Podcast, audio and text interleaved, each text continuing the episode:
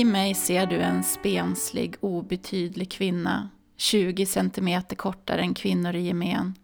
Så pass liten att du tror att jag hukar mig. Men jag går rak i ryggen, skäms inte för någonting. Jag var inte den planerande typen förrän jag bestämde mig, verkligen plötsligt bestämde mig för att ordna upp en vardag.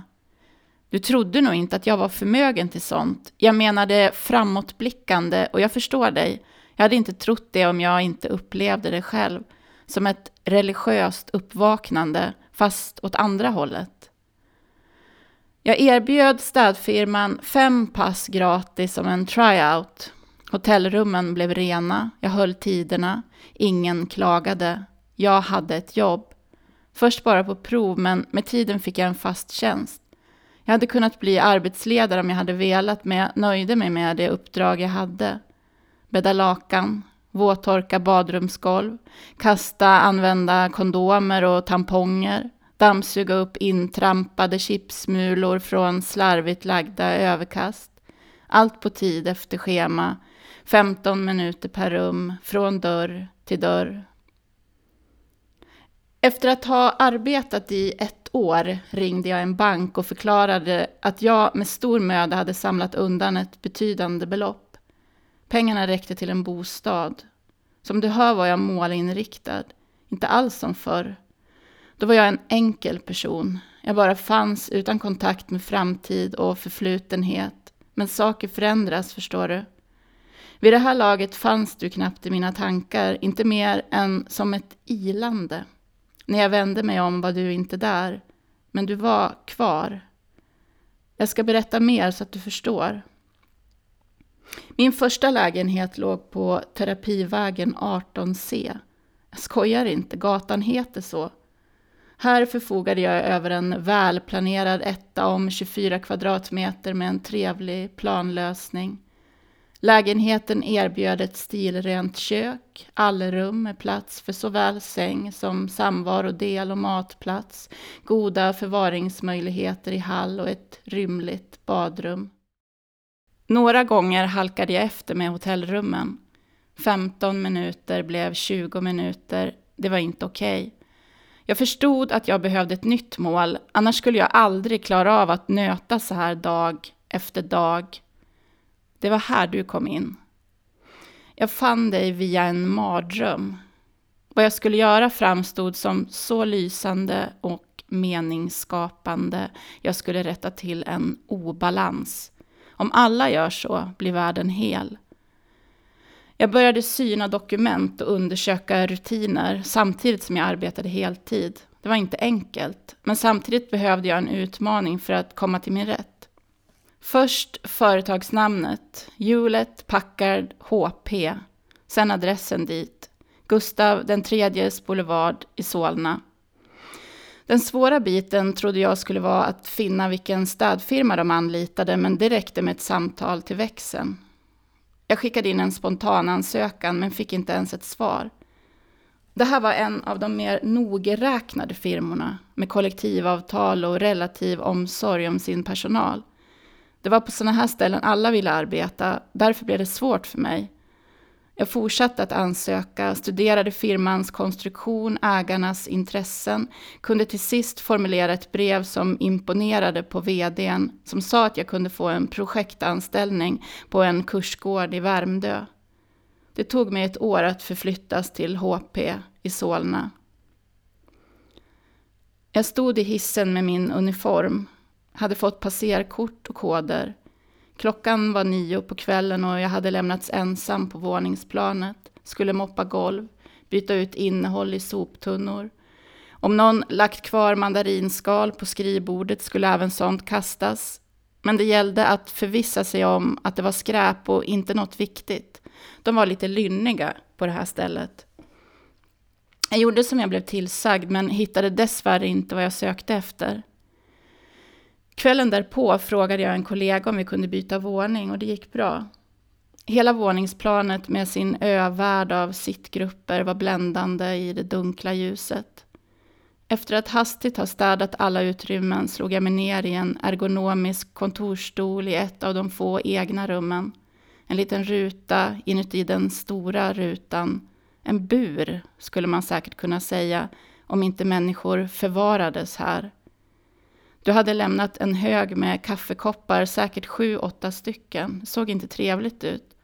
Jag skulle fixa med dem senare. På bordet fanns också dina semesterbilder. Barn i kanot, samma ungar i lussetåg, en fru. Jag läste grundligt igenom din pappersåtervinning som om arken avslöjade något. Jag ville berätta något för dig redan där och då, men din närvaro skulle sabba arrangemanget. Till sist diskade jag dina kaffekoppar och satte tillbaka dem på skrivbordet, placerade dem på ett sätt som kunde tolkas som ett hjärta med lite vilja, men samtidigt inte helt självklart. Jag behövde lite mer tid med dig. Arrangemanget fyllde mig med en känsla av makt. Jag ägde dig när du sov, kunde göra vad som helst med det som var ditt. Dina kollegor märkte aldrig att städningen hade blivit kraftigt eftersatt. Jag såg till att hålla en jämn, låg nivå, satte en ny standard så att varje morgon kunde bli den andra lik. Det är bara hack i skivan som väcker uppmärksamhet, inget annat. Det som inte händer saknas aldrig.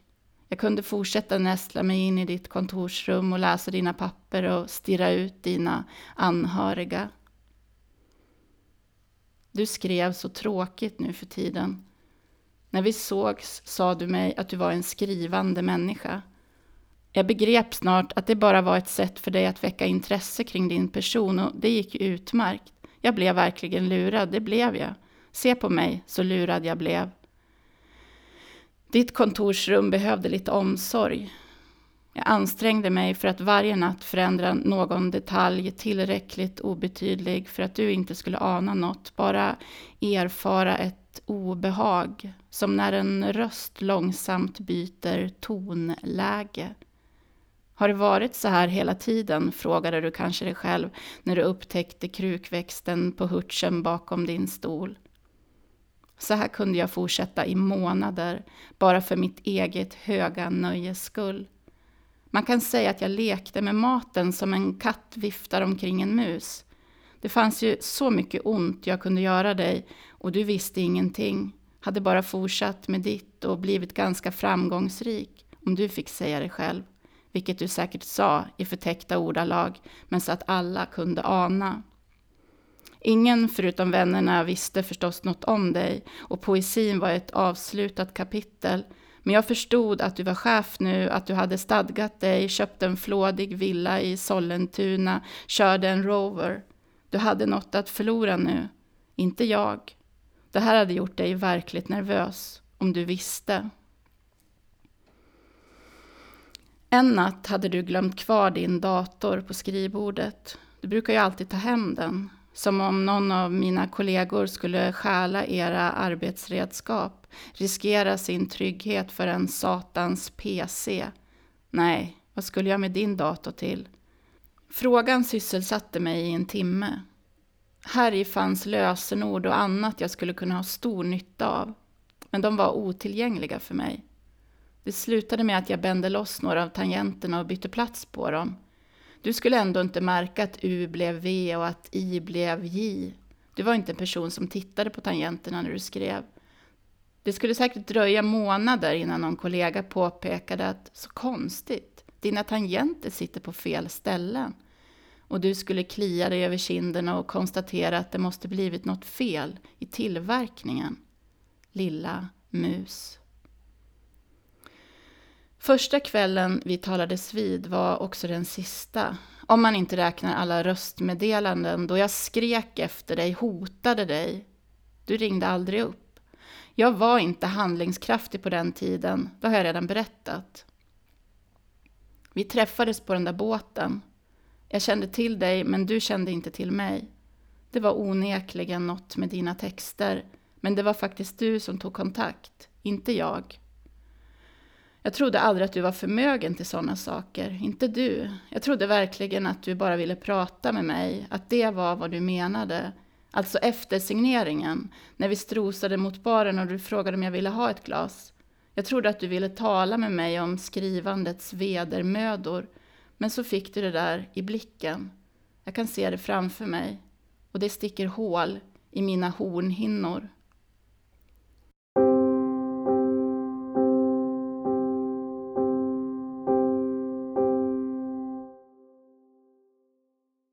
Du tänker att man inte kan få reda på så mycket om en annan människa genom en pappersåtervinning.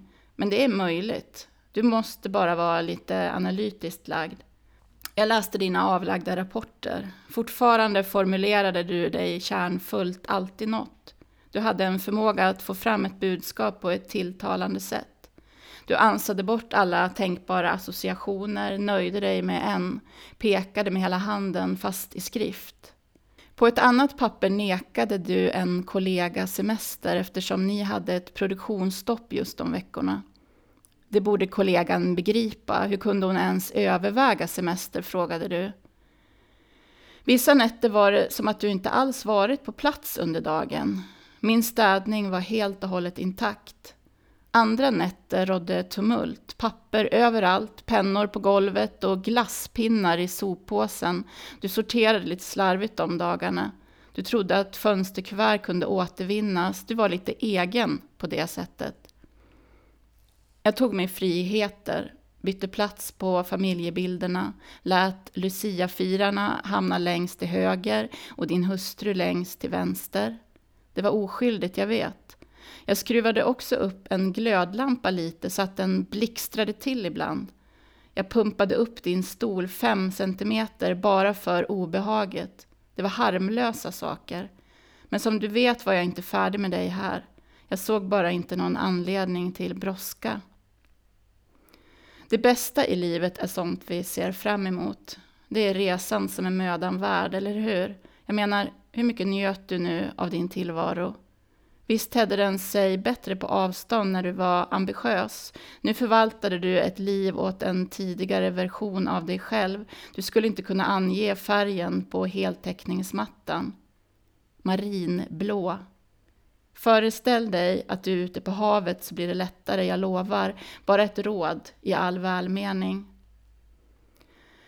Jag fortsatte läsa papper från återvinningen. Tänkte att det kunde dyka upp något till slut. Det mesta var bara saker du läst. Reklambroschyrer och PM från chefen till chefen. Ett av de mer överraskande fynden var en katalog över resmål. Själv skulle du förstås få åka på semester när det passade dig. Du funderade på Miami. Du hade ringat in två olika hotell med fem stjärnor. Tänk om folk visste mer om dig och om mina drömmar som okontrollerat hemsökt mig i tio års tid.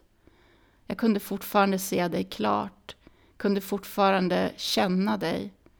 Tro inte att jag hade slutat leva för din skull. Mitt liv hade varit utmärkt. Men jag är också en person som tror på rätt och fel. Här fanns en obalans. Den behövde åtgärdas. Du sa, följ med till hytten, jag ska visa något jag skriver på. Jag hade just druckit upp, tänkte avrunda kvällen, men visst, en sväng förbi din hytt. Efteråt hade jag yrsel, kunde inte hålla balansen i korridoren, föll av och an mot väggarna.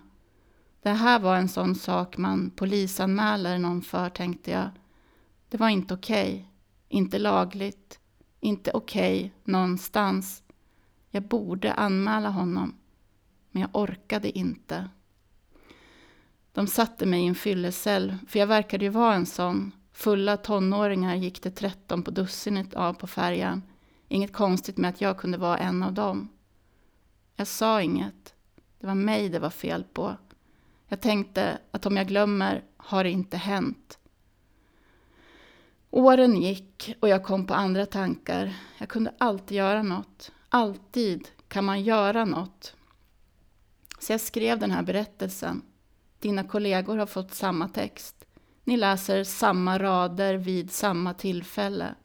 Den är inget mästerverk, jag vet, men den har en bra twist på slutet. Tycker du inte? Du kommer att kasta dig ut i kontorslandskapet för att hejda dem, men de är inte dumma, de läser förstås.